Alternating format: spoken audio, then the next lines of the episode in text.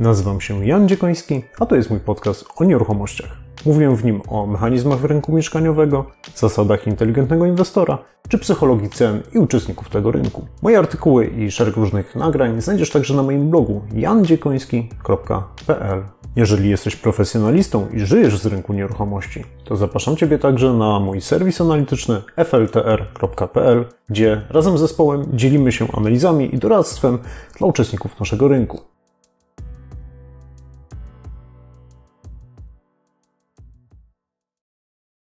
Cześć, witajcie serdecznie na kanale Jan Dziekoński o nieruchomościach. Dzisiaj aktualizacja naszej, naszego stanu wiedzy na temat stóp procentowych, jak bardzo rosną, jaki może być docelowy poziom wyboru i w jaki sposób zabezpieczyć się albo walczyć po prostu z rosnącymi kosztami kredytów. Przygotowałem dla Was nową prezentację pokazującą, e, czy WIBOR w ogóle poleci powyżej 5%, bo dla wielu osób to może być bardzo trudny scenariusz i nawet banki stwierdzały, że to jest poziom, który może być bardzo ryzykowny dla e, systemu finansowego. A z drugiej strony chciałem odpowiedzieć w tej prezentacji, czy w ogóle sens jest dzisiaj rozważać przejście na e, stopę zmienną, przepraszam, na stopę stałą? ponieważ e, no skoro te stopy są takie wysokie, to może za chwilę spadną, a jak przejdę na stałą stopę, no to wtedy e, nie będę miał tej niższej raty. Na te pytania e, chciałem odpowiedzieć w, tej, w tym nagraniu, w tej prezentacji.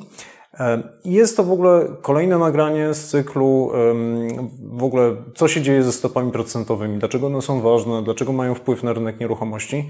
I już ponad rok temu przestrzegałem wiele osób przed tym, że w 2021 roku stopy procentowe mogą pójść do góry. To wcale nie jest wykluczony scenariusz. Nie należy brać za pewnik tego, co mówi przykład prezes Narodowego Banku Polskiego, czy różni analitycy, którzy mówili przez wiele lat stopy procentowe będą zerowe. Jak się okazało, raptem 4 miesiące temu, w październiku 2021 roku, e, Rada Polityki Pieniężnej podniosła stopy procentowe, zaskakując większość analityków, większość osób na rynku i przede wszystkim niestety też kredytobiorców, którzy nie byli przygotowani na ten scenariusz. W grudniu, na samym początku grudnia, jak kiedy kręciłem e, mój taki cykliczny webinar w górę czy w dół, gdzie jest dzisiaj rynek nieruchomości, też opowiadałem o tym, na jakim poziomie są stopy procentowe, na jakim poziomie kształtuje się WIBOR. No niestety on był w ogóle wyższy niż jeszcze e, z perspektywy października, czyli tego poprzedniego e, nagrania, więc ten rynek i ta sytuacja jest bardzo dynamiczna. No i znowu oczywiście wiele osób było zaskoczonych, o kurczę, o ile mi rata w ogóle wzrosła. E, ja też trochę podniosłem brew, jak dostałem wyliczenie raty w listopadzie, ale na szczęście ja już byłem bez problemu, ponieważ ten kredyt, e, który w tamtym czasie miałem, on już jest spłacony, ponieważ sprzedałem po prostu nieruchomość. O tym później. E, no i wreszcie na początku stycznia napisałem artykuł i później też nagrałem film, do obejrzenia którego też Was serdecznie zapraszam, w którym mówiłem, jakie są perspektywy i prognozy na rok 2022. Moim zdaniem pewniakiem jest E, walka z inflacją, która niestety będzie wysoka w tym roku i jednym z narzędzi tej walki będą rosnące stopy procentowe. No niestety dla wielu to pewnie będzie takie same zaskoczenie jak dla drogowców nadchodząca co jakiś czas zima. O czym dzisiaj opowiem? E, po pierwsze, czy WIBOR w ogóle może polecieć powyżej 5%? Bo już dzisiaj 2 lutego, kiedy nagrywam to nagranie, niestety co chwilę musiałem to zmieniać, bo przygotowałem to nagranie przez kilka dni i każdego dnia ten WIBOR rósł. I ten WIBOR już przekroczył, 3, 3-miesięczny WIBOR przekroczył poziom 3%, 6-miesięczny WIBOR przekroczył 3,5%, więc on już jest znacznie wyższy niż wiele osób w ogóle się spodziewało i jest wyższy niż w ostatnich 8 latach. Odpowiem, dlaczego on tak bardzo wzrósł i o ile jeszcze bardziej może wzrosnąć.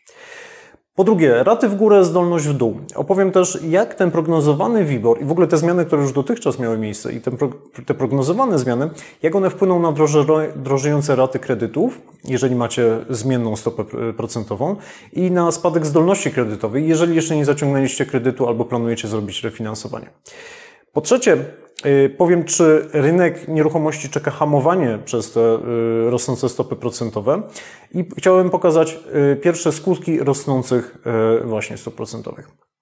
No i wreszcie na koniec pięć sposobów na zabezpieczenie się przed wzrostem rat kredytowych od najłatwiejszych po te najtrudniejsze jeżeli masz kredyt ze, e, ze zmienną stopą procentową, być może jeden, jeden z tych pomysłów po prostu podpowie Ci, co możesz zrobić, żeby ograniczyć e, tempo wzrostu rat kredytowych albo w ogóle je zatrzymać. No i wreszcie pytanie, które wielu nurtuje, czy w ogóle jeszcze jest sens przejść na stałą stopę kredy- oprocentowania kredytu. Ok. Do dzisiaj do 2 lutego Rada Polityki Pieniężnej wprowadziła cztery podwyżki stóp procentowych do poziomu 2,25%. To jest stopa referencyjna. I obecnie po tych podwyżkach jesteśmy na poziomie stóp procentowych z przełomu 2014 i 2015 roku. E, I tak naprawdę y, przypominając jakby ten webinar z grudnia, o którym mówiłem, rynek finansowy, rynki finansowe, które między sobą wymieniają się jakby można powiedzieć, pieniędzmi, pożyczają sobie pieniądze na jakiś okres czasu, czyli ustalają jakąś cenę pieniądza. Jeszcze na początku grudnia przewidywał y, w ogóle wzrost stóp WIBOR trzymiesięcznego. Ja tu na trzymiesięcznym WIBORze będę głównie się opierał, ponieważ y, on dużą część kredytów jakby reguluje. I zakładał jeszcze na początku grudnia, że ten poziom y, stóp procentowych tego wyboru ustabilizuje się na poziomie 3 punktów procentowych. To była taka wiedza z tamtego okresu. Jeszcze na poziomie października WIBOR był wynosił niecały 1%. Z perspektywy października było widać, że rynek oczekuje wzrost, ale wzrost tak mniej więcej do 2,4%. WIBOR na początku grudnia y, wynosił 2,5% punkta procentowego. No i ta perspektywa, o ile on jeszcze może wzrosnąć, to było maksymalnie 3%. Faktycznie ten rynek zakładał, że te podwyżki, które mm, powiedzmy do stycznia miały miejsce, one istotnie po prostu nastąpią. No ale gdzie jesteśmy dzisiaj? Obecne wypowiedzi e, prezesa Narodowego Banku Polskiego, jak i członków Rady Polityki Pieniężnej obecnie wskazują na to, że najprawdopodobniej ten poziom stopy referencyjnej wzrośnie do co najmniej 4%. I najbliższe posiedzenie Rady Polityki Pieniężnej jest 8 lutego, więc wtedy oczywiście się dowiemy, jaka będzie podwyżka. Najwięcej, jakby najbardziej prawdopodobny scenariusz to jest kolejne 50 punktów bazowych, czyli do 2,75. Dalej docelowo tych posiedzeń oczywiście w tym roku będą kolejne co miesiąc i zaraz opowiem, jakie czynniki w ogóle mogą wpływać, że e, te podwyżki kolejne też będą miały miejsce. Podwyżka stopy referencyjnej do 4 punktów procentowych y, praktycznie przesuwa nas do poziomu mniej więcej z 2011-2012 roku, no kiedy, jeżeli obejrzycie na przykład inne moje nagrania, no zobaczycie, że wtedy mieliśmy dołek cenowy e, na rynku nieruchomości. Ok, popatrzmy na to nie jak zachowuje się rynek, yy, przepraszam, yy, Rada Polityki Pieniężnej, ale popatrzmy, co myśli na ten temat rynek, rynek rynki finansowe, banki, instytucje finansowe, które między sobą właśnie wymieniają się pieniędzmi i de facto tak naprawdę kształtują stopę WIBOR. I to stopa WIBOR ma wpływ na poziom raty Waszych kredytów, a nie do końca bezpośrednio stopy yy, procentowe, które są ustalone przez Radę Polityki Pieniężnej. I teraz ten trudny wykres, spróbuję go wyjaśnić. Ten trudny wykres pokazuje, e, pokazuje po pierwsze tą taką dolną linią, ciemnoczerwoną, jaki jest bieżący poziom wyboru w danym momencie czasu. Jaki był w styczniu 2021 roku, kiedy jeszcze byliśmy głęboko w ogóle w lockdownach, zero jakichś tam, nie wiem, szczepionek, odprężania gospodarek i tak dalej, pełny marazm. W lipcu 2021 roku też WIBOR wynosił 0,2%, ten trzymiesięczny. No i później, kiedy już były perspektywy tego, że y, po pierwsze rynek zaczął oczekiwać, że y, wskutek wysokiej inflacji te stopy procentowe pójdą do góry. Nastąpiła pierwsza podwyżka stóp procentowych na początku października, no i ten WIBOR nam skoczył do 0,6%.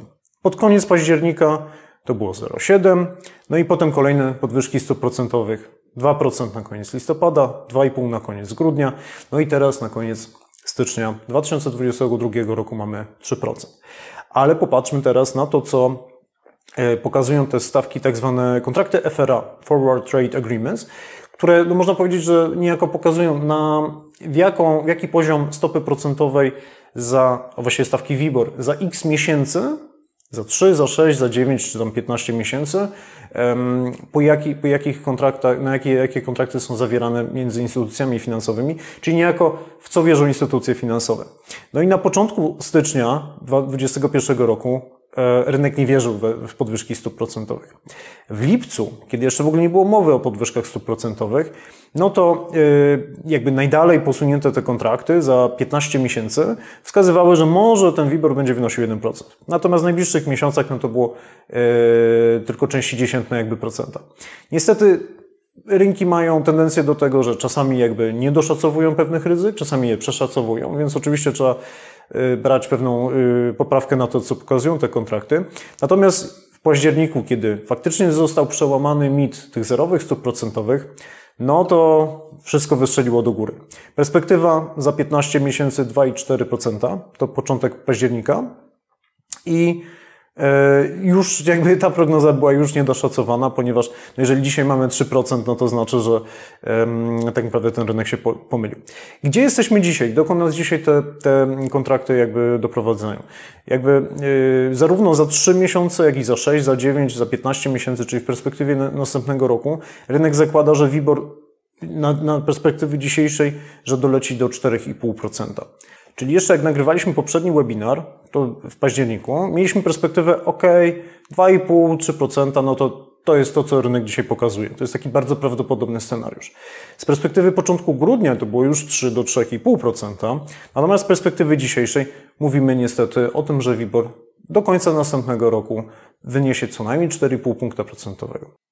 Jeżeli popatrzymy na kontrakty na WIBOR 6-miesięczny, bo część faktycznie kredytów hipotecznych jest oparta o ten 6-miesięczny WIBOR, no to sytuacja niestety jest troszeczkę gorsza, bo e, WIBOR 6-miesięczny dzisiaj wynosi już 3,5 punkta procentowego, a e, kontrakty terminowe wskazują na wzrost do końca roku pewnie do poziomu 5 punktów procentowych. Czyli praktycznie ten 5% WIBOR dzisiaj przez rynki jest wyceniany jako bardzo prawdopodobny scenariusz. Oczywiście Pierwsze pytanie się nasuwa, ok, dlaczego w ogóle ten WIBOR wzrósł do takich poziomów? No drugie pytanie, czy on może rosnąć jeszcze bardziej?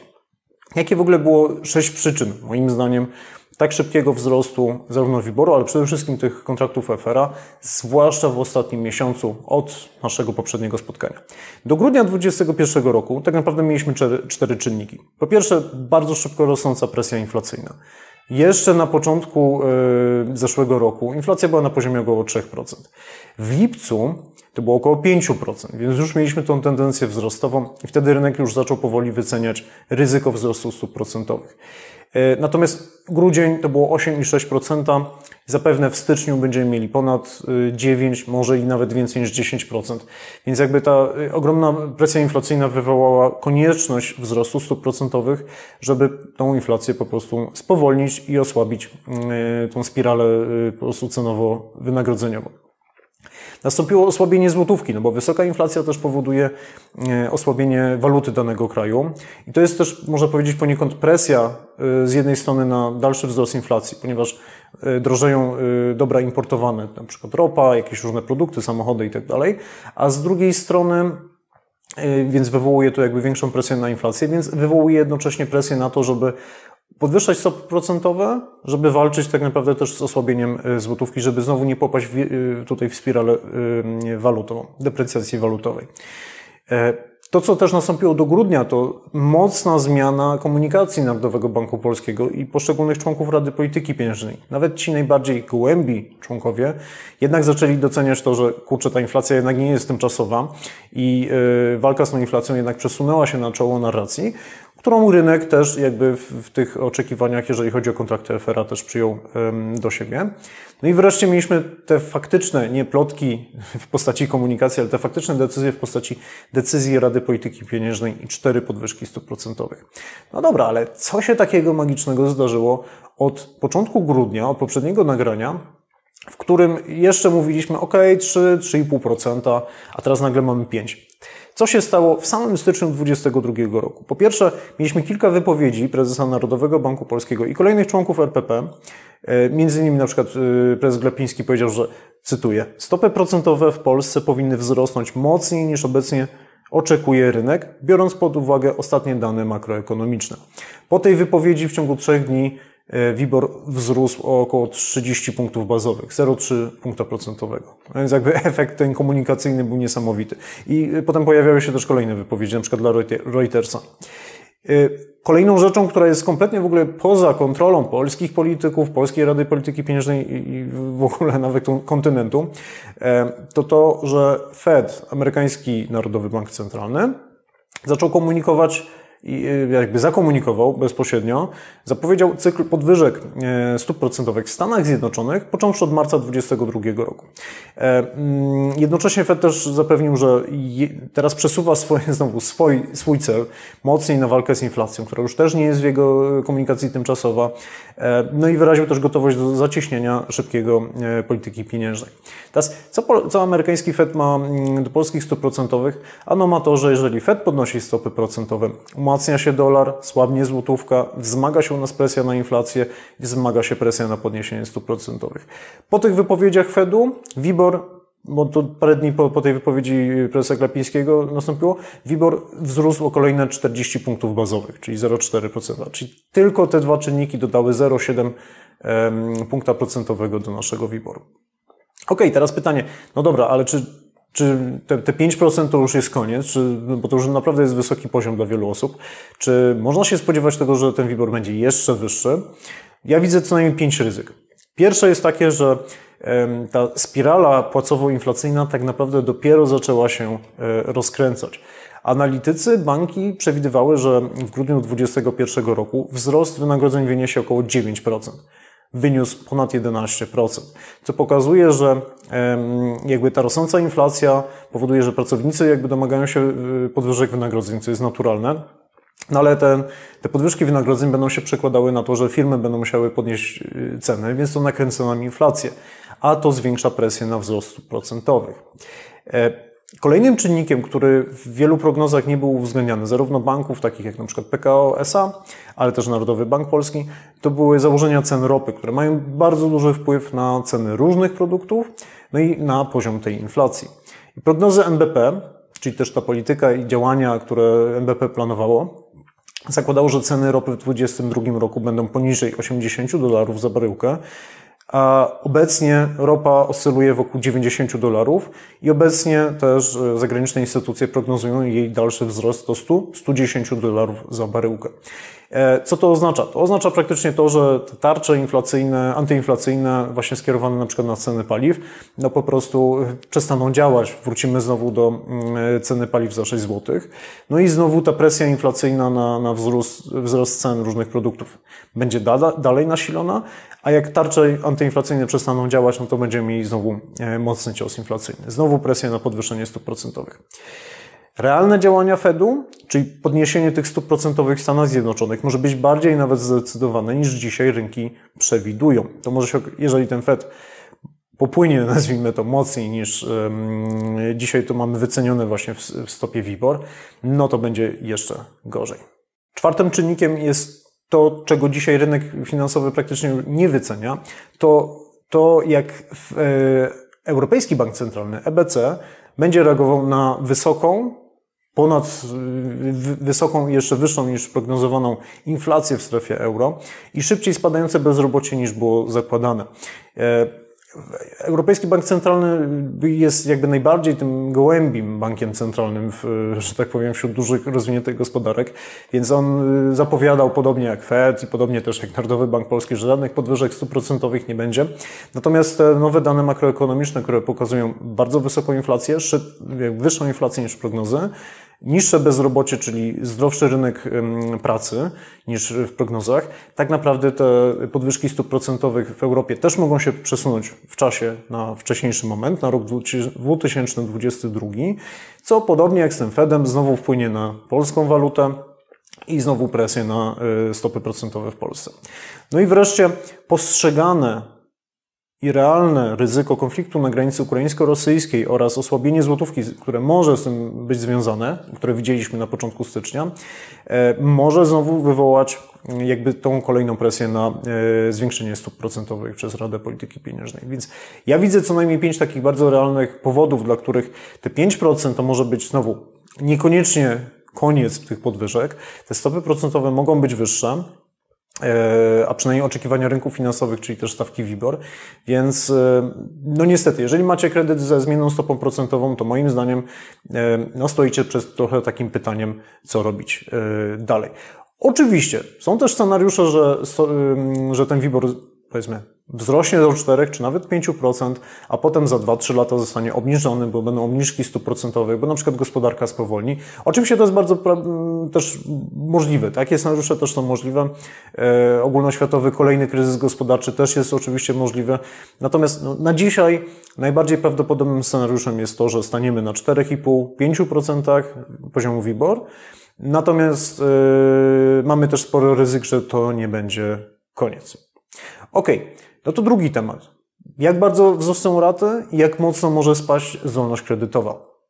Yy, Tutaj na tym wykresie e, zobaczycie, w jaki sposób może się zachować rata kredytu hipote yy, hipotetycznego kredytu hipotecznego, yy, opartego o WIBOR 3-miesięczny.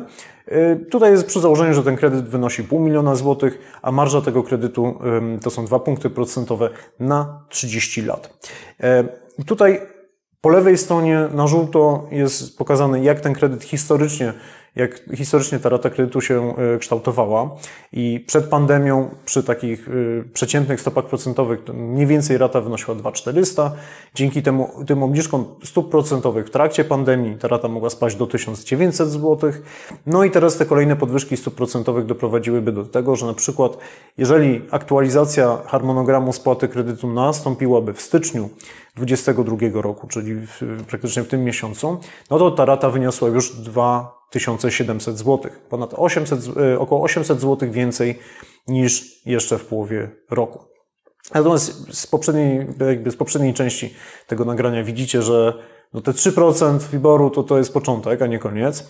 Więc ym, dalej widzimy jakby, jakie są najbardziej prawdopodobne scenariusze, do jakiego poziomu ta rata wzrośnie. 4,5% pokazane tą strzałką na dzisiaj to jest rata 3160 e, zł. To jest ponad 1200 zł więcej niż jeszcze w połowie roku, czyli to jest wzrost o co najmniej 65% raty kredytu względem tego, co, co płaciliśmy e, w połowie roku. No to nie wiem jak dla Was, ale jak dla mnie 1000 zł w kieszeni mniej, no to jednak, to jednak jest pewien koszt. No i prawdopodobnie, biorąc pod uwagę też tą perspektywę, że te 5% jest, jest realne, może nawet 5,5%, może i więcej, no to możemy myśleć, że taki kredyt będzie kosztował nas nawet 3300-3500 zł lub więcej. E, co więcej, kolejnym efektem tego, że rosną stopy procentowe, to poza wzrostem tej raty kredytu, to rośnie nam w ogóle udział w tej racie kredytu, tej części e, odsetkowej, czyli tego kosztu, który my tak naprawdę płacimy bankowi i on nam nie spłaca zadłużenia. To po prostu, można powiedzieć, idzie w komin. I niestety kredyty, szczególnie te zaciągnięte niedawno, e, najbardziej cierpią jakby na tym efekcie, bo tam tego kapitału niespłaconego jest najwięcej. No i e, przykładowo, jeżeli ktoś by zaciągnął kredyt, dajmy na to w styczniu 2021 roku albo w lipcu, no to jego rata na te pół miliona wynosiła owe 1900 złotych, i te 1900 zł mogło, jakby składało się mniej więcej pół na pół z raty kapitałowej i raty odsetkowej, czyli połowa tych pieniędzy trafiała e, na spłatę zadłużenia. No to w styczniu rata wynosi 2700 i e, tylko jedna czwarta tych pieniędzy trafia tak naprawdę na spłatę kredytu, a przy tym poziomie 4,5% na przykład, przy, przy racie 3100, no to jedynie 15% tych naszych pieniędzy spłacało, spłacałoby ten kapitał. Więc niestety e, nie dość, że ta rata jest wyższa, to też tempo jakby e, spłaty kredytu staje się znacznie wolniejsze. I wreszcie, jak kształtowałaby się e, zdolność kredytowa po tych podwyżkach? Dla przypomnienia, i to jest bardzo, czynnik, który bardzo mocno wpływał na to, co się działo na rynku nieruchomości w 2021 roku. Jeszcze w styczniu osoba, która, która powiedzmy, było, mm, która jeszcze, no może tak, przewiniemy trochę wstecz, osoba, która przed pandemią y, miałaby zdolność kredytową na poziomie pół miliona złotych, to dzięki obniżkom stóp procentowych y, w styczniu zeszłego roku, równo rok temu, mogłaby zaciągnąć kredyt na poziomie 630 tysięcy złotych. To jest magiczny efekt zerowych stóp procentowych. Później w lipcu weszła nam e, rekomendacja S, która e, wprowadziła zmianę sposobu liczenia maksymalnej zdolności. Został skrócony ten okres maksymalnego kredytu, więc ta osoba mogłaby już zaciągnąć tylko 550 tysięcy mm, złotych kredytu. Ciągle więcej niż przed pandemią, no ale trochę mniej. Natomiast w styczniu 2022 roku, ze względu na ten wzrost e, stawek WIBOR, ten maksymalny kredyt wyniósłby 400 tysięcy. To już jest o 1 trzecią mniej niż w szczycie tej zdolności kredytowej. No i biorąc pod uwagę to, co jest prognozowane przez rynki finansowe, te 4,5% albo i więcej, daje nam zdolność kredytową maksymalnie 350 tysięcy złotych albo i nawet mniej. Czyli to jest spadek o co najmniej 45% względem tego, co ludzie otrzymywali po prostu w połowie 2021 roku.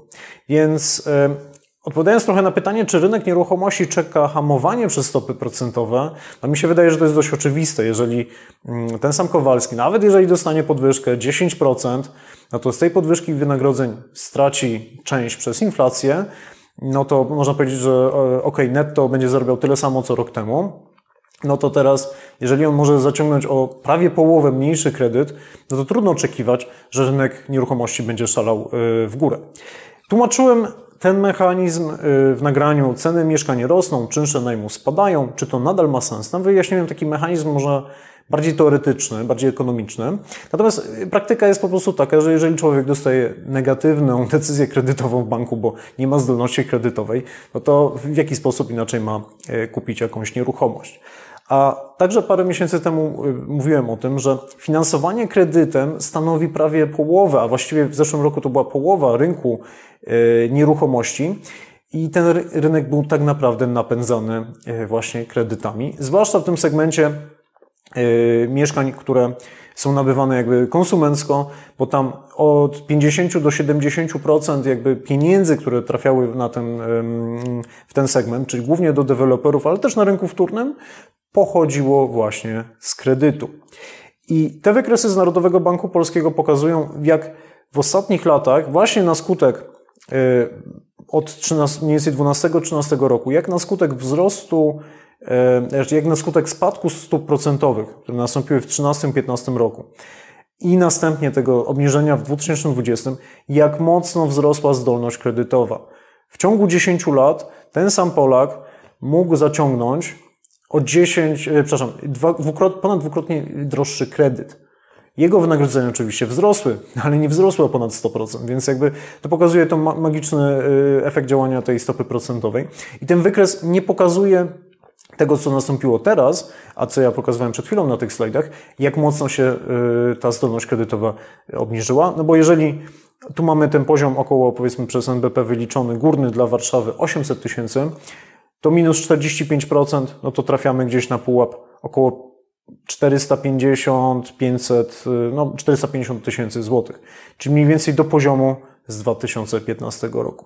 Więc e, z jednej strony to nie jest dziwne, że e, w 2021 roku rynek kredytowy osiągnął rekord największej wartości udzielonych kredytów, ponad 800, przepraszam, ponad 80 miliardów złotych, chyba 88 miliardów złotych. To trudno jakby oczekiwać, że, że byłoby inaczej, skoro ten kredyt był taki tani, ale też Trudno się nie zdziwić e, tym, że w grudniu e, liczba udzielonych kredytów była niższa niż w ostatnim miesiącu przed e, wybuchem takiej pandemii w Polsce. A to dlatego, że po prostu mocno spada liczba wniosków kredytowych. W grudniu było ich o 10% mniej niż w listopadzie zeszłego roku. No i też możemy się domyśleć, że część tych wniosków kredytowych niestety kończy się efektem negatywnym, jeżeli chodzi o decyzję kredytową. No i też nie ma, nie ma w tym zaskoczenia, że BIG, Biuro Informacji Kredytowych, który monitoruje bardzo dokładnie rynek kredytowy i serwuje bardzo ciekawe dane na ten temat, prognozuje, że w 2022 roku o 10% spadnie łączna wartość udzielonych kredytów hipotecznych w Polsce. Więc y, no, Cóż, to, to pokazuje, że tak naprawdę czeka nas pewne ochłodzenie na tym rynku nieruchomości, bez dwóch zdań. Ok, jakich jest, moim zdaniem przynajmniej, pięć sposobów na zabezpieczenie się przed wzrostem rat kredytu? Bo wiemy, że z dużą dozą prawdopodobieństwa niestety czeka nas dalszy wzrost stóp, procent, yy, stóp procentowych, stawek WIBOR, a więc i rat kredytu, jeżeli macie tak zwaną zmienną stopę, kredy, yy, procent, jakby zmienną stopę oprocentowania kredytu, a ponad 90% Polaków niestety taką zmienną stopę posiada. Pięć pomysłów. Pierwszy to przejście na okresowo, tutaj podkreślam, okresowo stałą ratę kredytu. E, I yy, okazuje się, że wiele osób w ogóle nie wie o tym, że yy, zgodnie z rekomendacją ES, która weszła w życie w, li, w lipcu zeszłego roku, tak naprawdę każdy mm, kredytobiorca, z, który ma y, kredyt hipoteczny ze stopą zmienną, i co ciekawe, to nie dotyczy tylko i wyłącznie kredytów hipotecznych, może wystąpić do banku o y, z wnioskiem o zmianę na y, stałą stopę procentową. Ten okres stały to jest od 5 do 7 lat, więc to nie jest jakby do końca kredytu. Natomiast y, no, lepsze te 5 czy 7 lat niż, niż cały czas ta stopa zmienna. Część banków może wymagać potwierdzenia zdolności kredytowej, więc no, musicie też zwrócić uwagę na to, czy macie w ogóle zdolność kredytową, żeby y, dostać możliwość podpisania takiego aneksu. Natomiast ten aneks co do zasady jest bezpłatny, nie wiąże się z nowymi produktami, nie wiąże się z brakiem możliwości spłaty kredytu. Natomiast no, są pewne wymagania co do tego, ile jeszcze ten kredyt na przykład będzie y, funkcjonował. Na przykład jeżeli za dwa albo trzy lata kredyt jakby już spłacicie, no to takiej możliwości z reguły nie ma. Ale żeby się dowiedzieć, po prostu trzeba pójść do banku i zapytać, jaka jest propozycja banku w tym, w tym zakresie, no i po prostu sprawdzić. Za chwilę pokażę w ogóle, jakie są te oferty na, na rynku. Drugą wersją, jeżeli nawet chcecie zostać przy stopie zmiennej, ale chcecie zmniejszyć jakby ten efekt y, tego bólu, nazwijmy to, związanego z, y, z po prostu rosnącymi ratami kredytu, jest nadpłata kredytu z gotówki.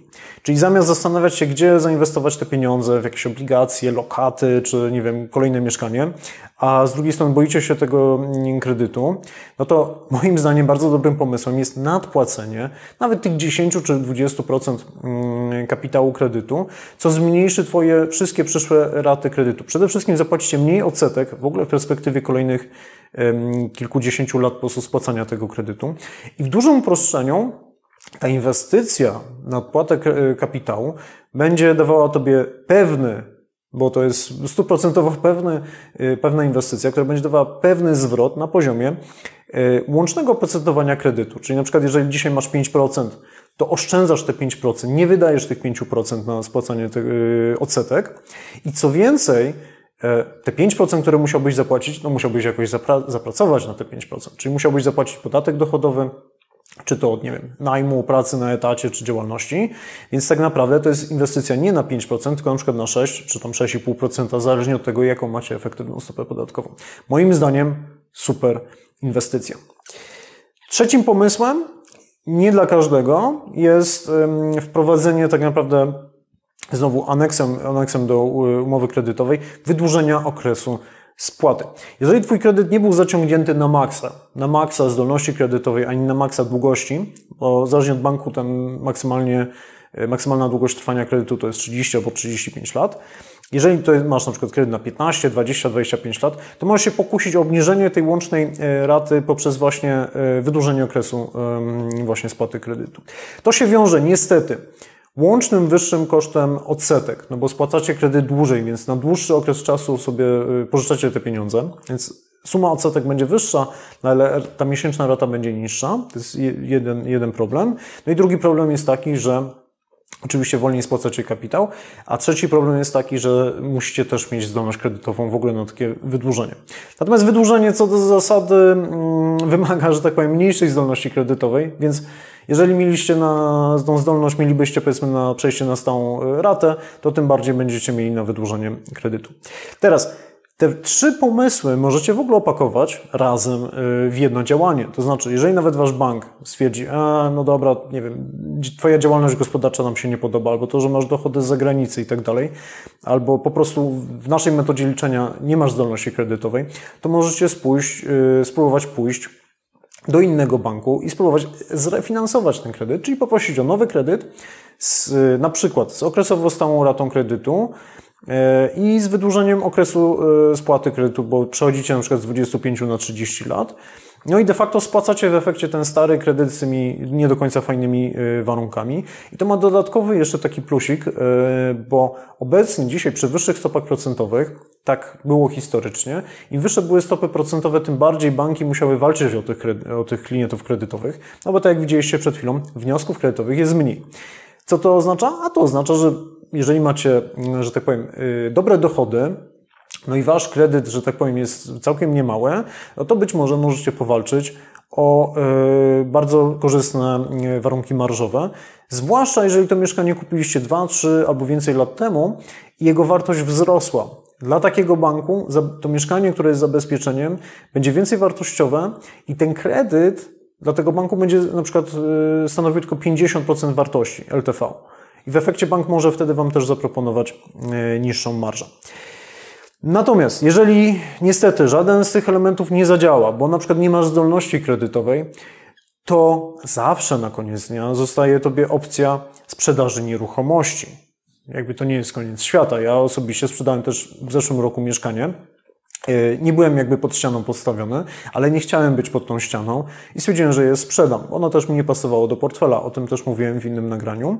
Natomiast nawet jeżeli mieszkasz w tym mieszkaniu, e, jesteś z nim związany emocjonalnie, czy to może być też dom, czy tam cokolwiek innego, no okej, okay, ale jeżeli doprowadzisz do sytuacji, że nie jesteś w stanie regulować rat kredytu, no to mimo wszystko ja bym realnie zaczął też rozważać e, taką opcję. Żeby sprawdzić, jak w ogóle te scenariusze, na przykład nadpłaty kredytu, y, czy w ogóle innych wrażliwości na przykład tego kredytu y, na zmiany stóp procentowych, jeżeli chcesz to sprawdzić. Oczywiście to można zrobić w Excelu z dość skomplikowanymi dla, dla powiedzmy osób, które się tym nie zajmują wzorami. Natomiast na stronie Urzędu Ochrony Konsumentów i Konkurencji jest E, kalkulator, którym możecie po prostu sobie policzyć te raty w różnych wariantach i zobaczyć, jak to się wszystko zachowuje. Więc bardzo obiektywne, publiczne, neutralne e, źródło wiedzy na ten temat. Zapraszam Was serdecznie. Strona to jest finanse.uokik.gov.pl. No i wreszcie na koniec jest pytanie, czy jest jeszcze sens przejść na stałe raty? Bo e, dla wielu osób jakby po tym webinarze może się wydawać, ok, no ale jakby to jest oczywiste, że trzeba przejść na tą stałe rat, e, stałą ratę, ale paradoksalnie wśród moich na przykład znajomych, którzy, no można powiedzieć, większość z nich no, jest wykształcona, jest piśmienna, potrafi liczyć, e, Ludzie mają niesamowite rozterki e, przed w ogóle przejściem na tą okresowo stałą stopę oprocentowania. Te rozterki, jakie, z jakimi się spotkałem, to tak.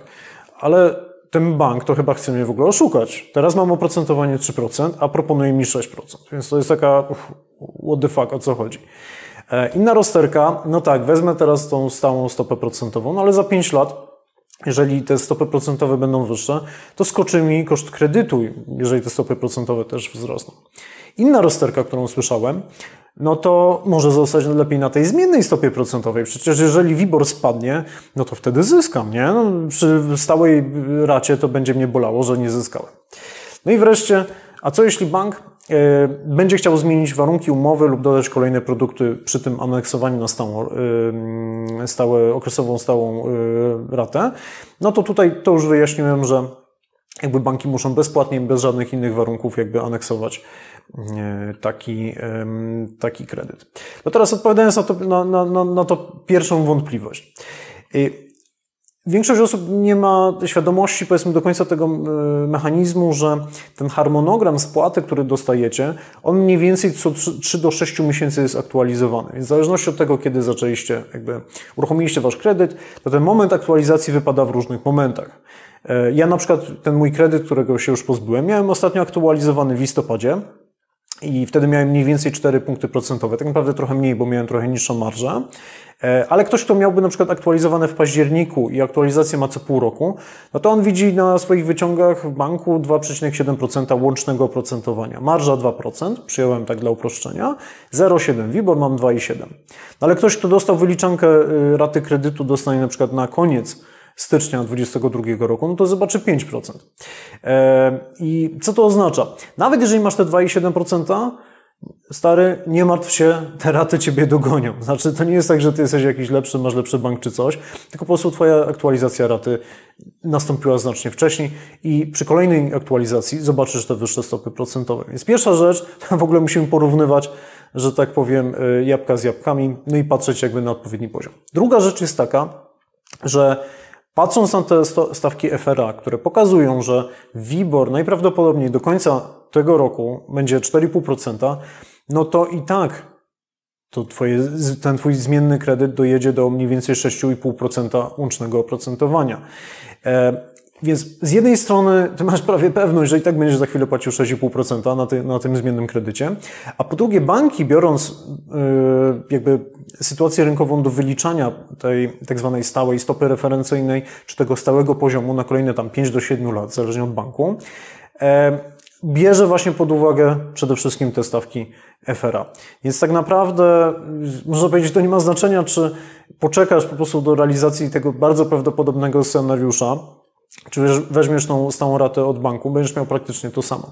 No i to widać trochę na tym, na tym wykresie, gdzie po lewej mamy te wyliczanki, co było wstecz, co pokazuje dzisiaj FRA i oferty sześciu banków od najtańszego do jednego z takich powiedzmy bardziej drogich, gdzie one się plasują na, w przedziale między 5,9 a lekko ponad 7% stałego oprocentowania.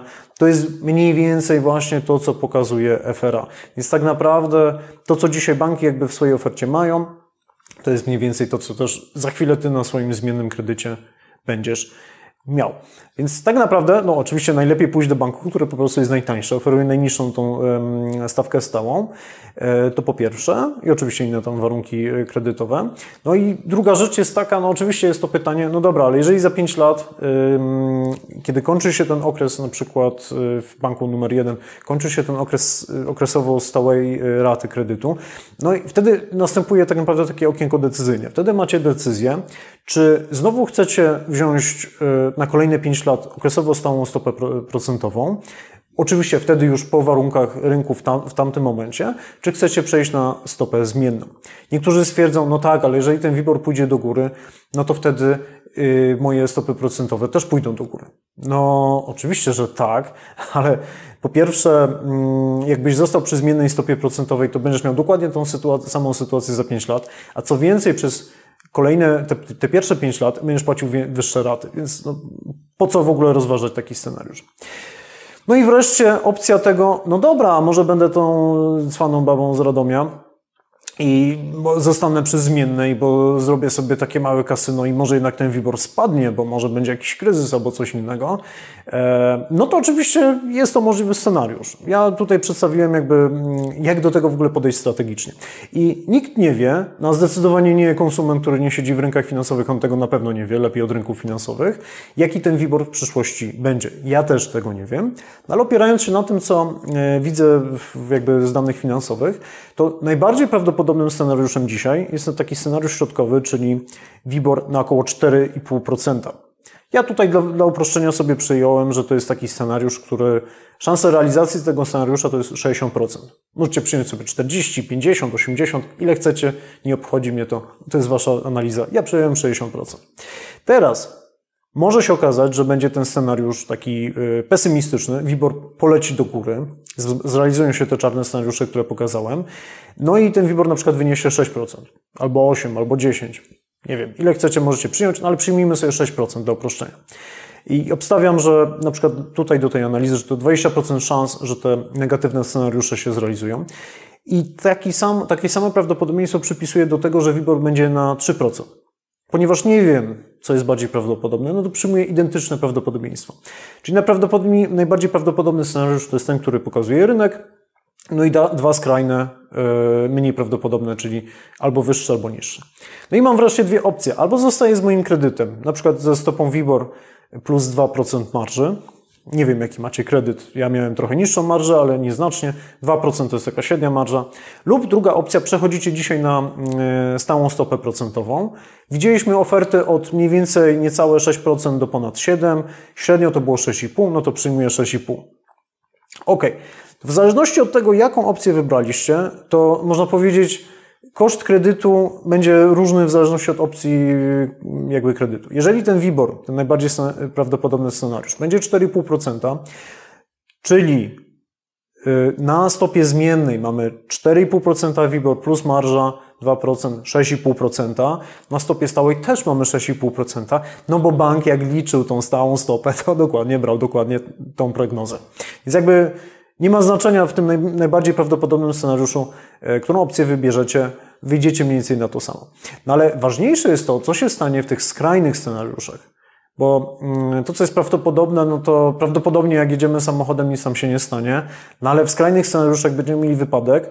No i z tego wypadku musimy po pierwsze, mamy poduszkę powietrzną, żeby nam się nic nie stało. Po to jest yy, takie zabezpieczenie. I po drugie mamy ubezpieczony samochód, że jak spowodujemy ten wypadek, no żeby było z czego to zapłacić. Po to jest ubezpieczenie. E, no i każde ubezpieczenie oczywiście kosztuje. Więc biorąc stałą stopę procentową, e, jeżeli WIBOR wzrośnie, no to naturalnie korzystamy, no bo nasza rata zmienna poleci do 8%, a rata stała będzie ciągle 6,5%. No i to stałe rozwiązanie będzie lepsze. To było nasze ubezpieczenie.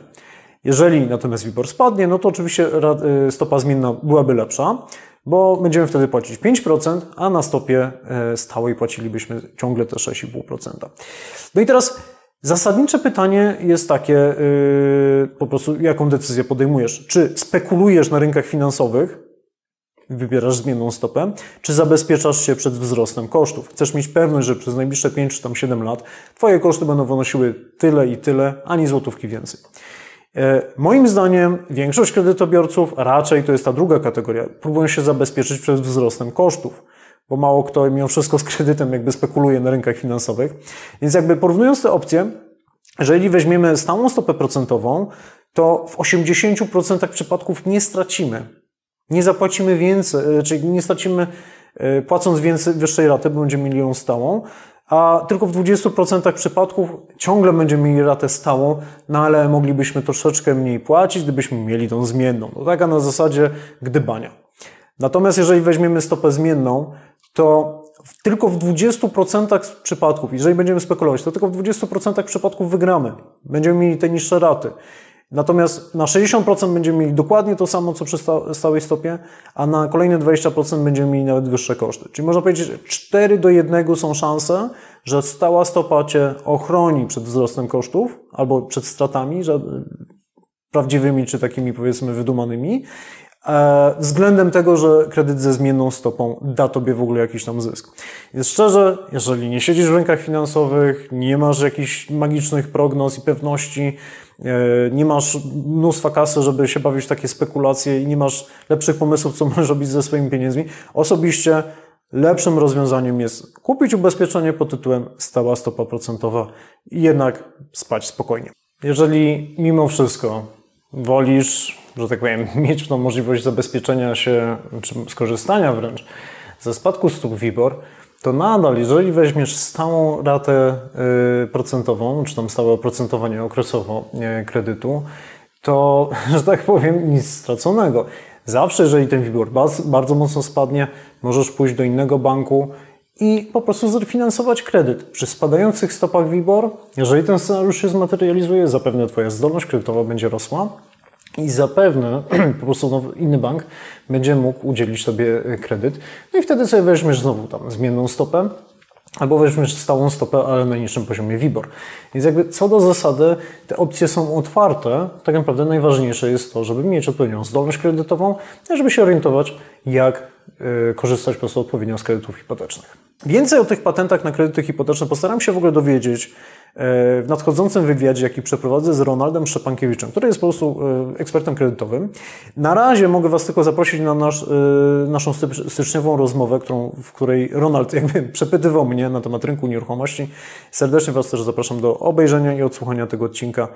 I wreszcie na koniec, dziękuję serdecznie, że spędziłeś ze mną ten czas spędziłeś albo spędziłaś. Jeżeli chcesz więcej się też dowiedzieć o tym, jak się zachowują rynki finansowe, co inflacja ma związanego z ekonomią, lub też jakie decyzje podejmować, na przykład czy kupować, czy wynajmować w ogóle y, w tej sytuacji też rynkowej, to zapraszam do obejrzenia tych y, filmów, które znajdziesz na moim kanale y, YouTube'owym, czy też na kanale Spotify.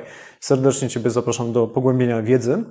I mam do Ciebie trzy prośby. Jeżeli Ci się podobało, jeżeli cenisz ten, po prostu tą formę wiedzy neutralną, szczerą, ale też po prostu radzącą, jak sobie radzić po prostu z, na przykład z rosnącymi kosztami kredytu, czy z decyzjami, e, czy kupić mieszkanie, czy może lepiej wynajmować, a może w jakiś sposób inwestować w ogóle na rynku nieruchomości. Jeżeli to się Tobie podoba, wesprzyj mnie na Patronite pod adresem patronite.pl, głośnik Jan Dziekoński o nieruchomościach. Link oczywiście znajdziesz też e, na moich kanałach czy na moim blogu jandziekoński.pl. Po drugie, zachęcam Ciebie do edukowania siebie, zbierania danych, analizowania ich samodzielnie i zapraszam Ciebie serdecznie do pobrania newslettera, a właściwie takiego pliku, który otrzymacie, link do niego jak się zapiszecie na newsletter na stronie jandziekoński.pl ukośnik newsletter. E, obiecuję nie spamować. Jedynym spamem, jaki wysyłam, e, jest po prostu informacja o nowych nagraniach czy nowych artykułach na e, moim kanale. I znajdziecie też link do tego newslettera, jeżeli wejdziecie do mnie na stronę, zjedziecie na sam dół, popatrzycie, tam jest taka belka z darmową checklistą wiedzy. Kilka stron bardzo ciekawych źródeł danych i ta, te, to źródło jest wiecznie aktualizowane, więc zapraszam serdecznie.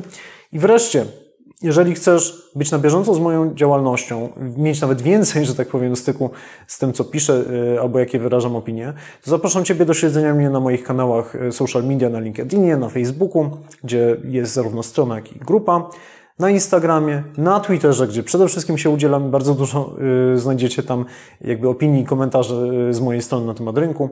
Oczywiście YouTube i Spotify, gdzie najprawdopodobniej słuchacie właśnie tego nagrania i oczywiście Patronite. Jeżeli też macie jakieś pytanie, propozycję y, tematu albo jakąś wątpliwość, albo po prostu y, chcecie wiem, wesprzeć mnie w tym, co, y, w tym, co robię, zapraszam też oczywiście do skorzystania z możliwości po prostu napisania wiadomości. Cieszę się z każdego maila i z każdej sugestii nowego tematu.